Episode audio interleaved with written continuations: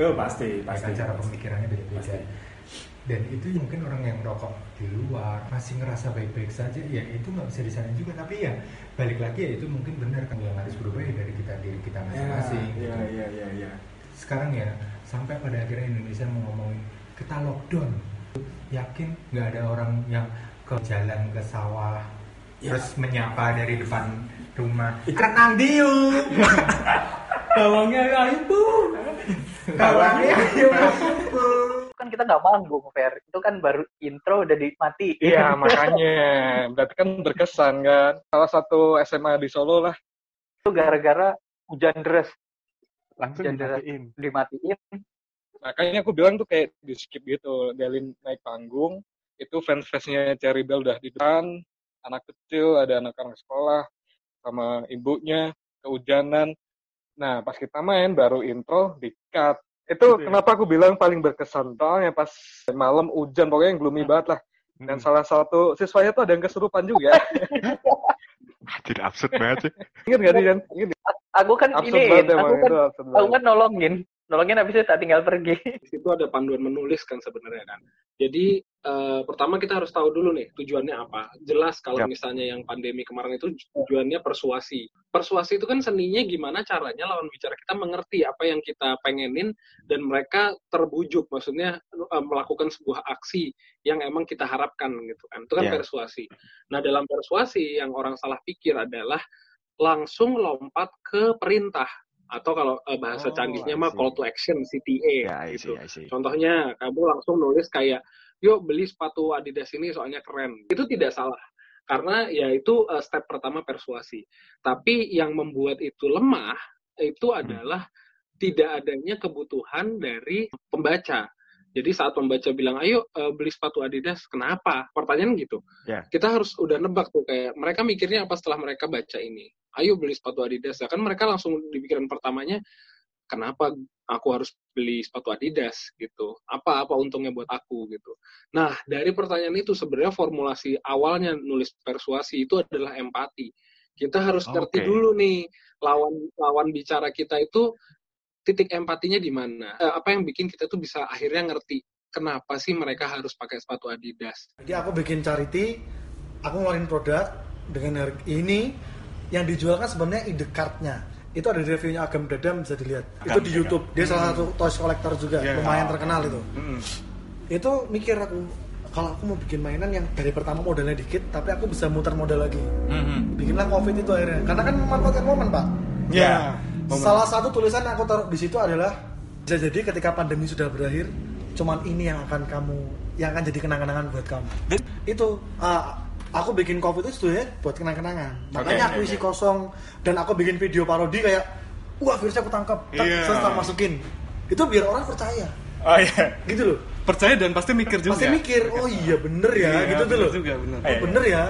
Terus makanya gambarnya kemarin kartunnya Hmm. itu ada covid tapi pakai topi yang pakai Iya, Red, iya, gitu.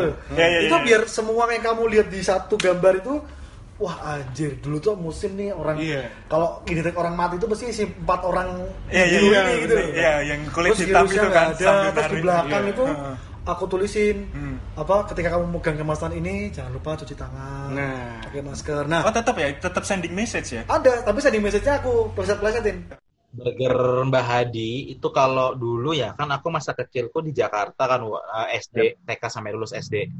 Nah aku tuh juga sering banget beli burger-burger yang pakai eh, sepeda gitu. Wo. Karena aku kerja di sekitar UGM, aku sering banget lihat simbah ini gitu loh. Nah akhirnya aku ngajak istriku, yuk kita cobain deh. Itu belum banyak eh, rame tuh. Wo. Itu aku posting tahun 2018 awal kalau nggak Mhm. salah deh. Aku sangat senang karena dan banyak sih teman-temanku bilang sendiri sih, wih dulunya belum pernah lo diangkat simbah ini. Ini Iya. pas kamu ngangkat jadi rame dan banyak yang nanya. Ya alhamdulillah sih, maksudnya itu salah satu tujuanku sebenarnya nge-review beberapa makanan buat perpanjang apa ya lidah jadi biar orang juga tahu sebenarnya banyak banget kok hidden hi- atau hidden games gitu ya Iya, hidden games yang ada di Jogja buat makanan gitu loh. Nah, salah satunya adalah atau salah duanya adalah burger ini. Burger Bahad Wahadi atau burger Dinar namanya. Tapi serius cuy, ngomongin Apa itu?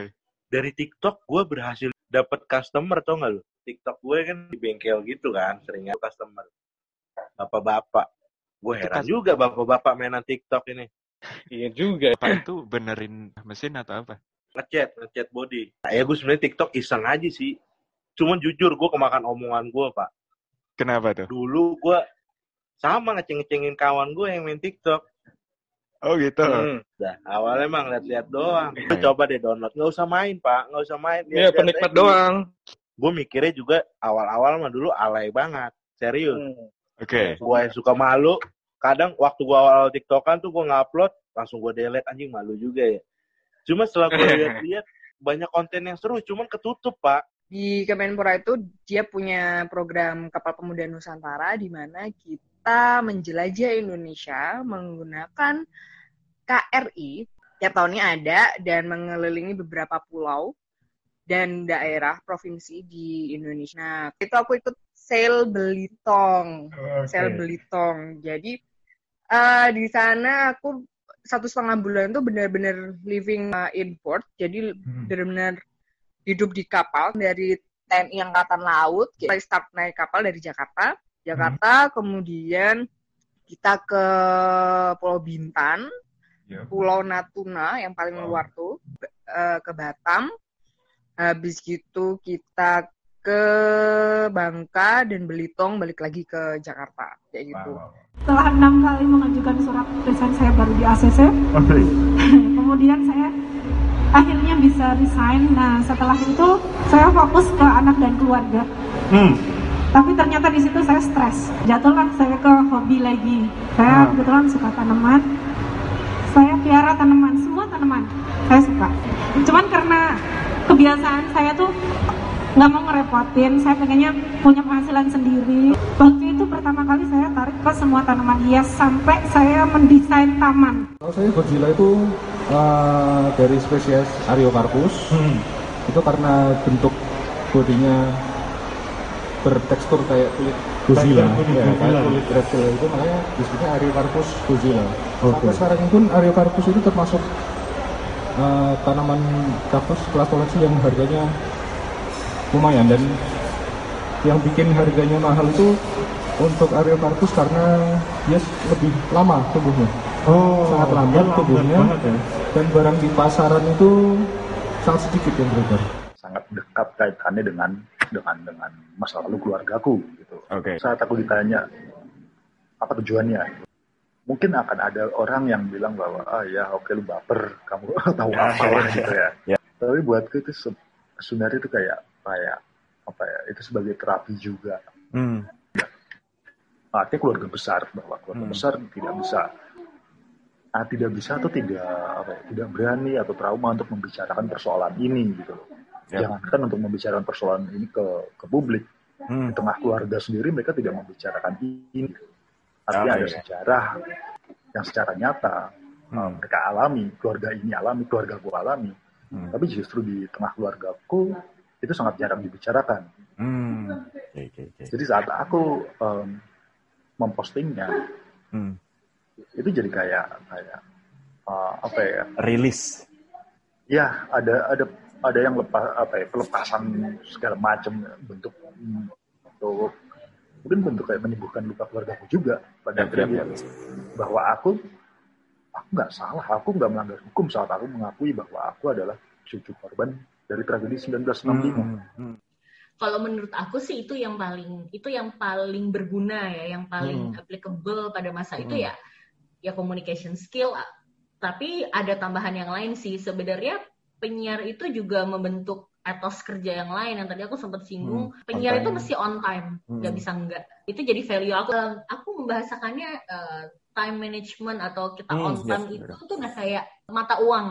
Oke. Jadi di mana pun laku. Jadi kita kerja sebagai apa pun di industri apa pun itu bakal laku. Eh, jadi gini loh, jabatan dan uang itu pasti ngikutin kok. Hmm.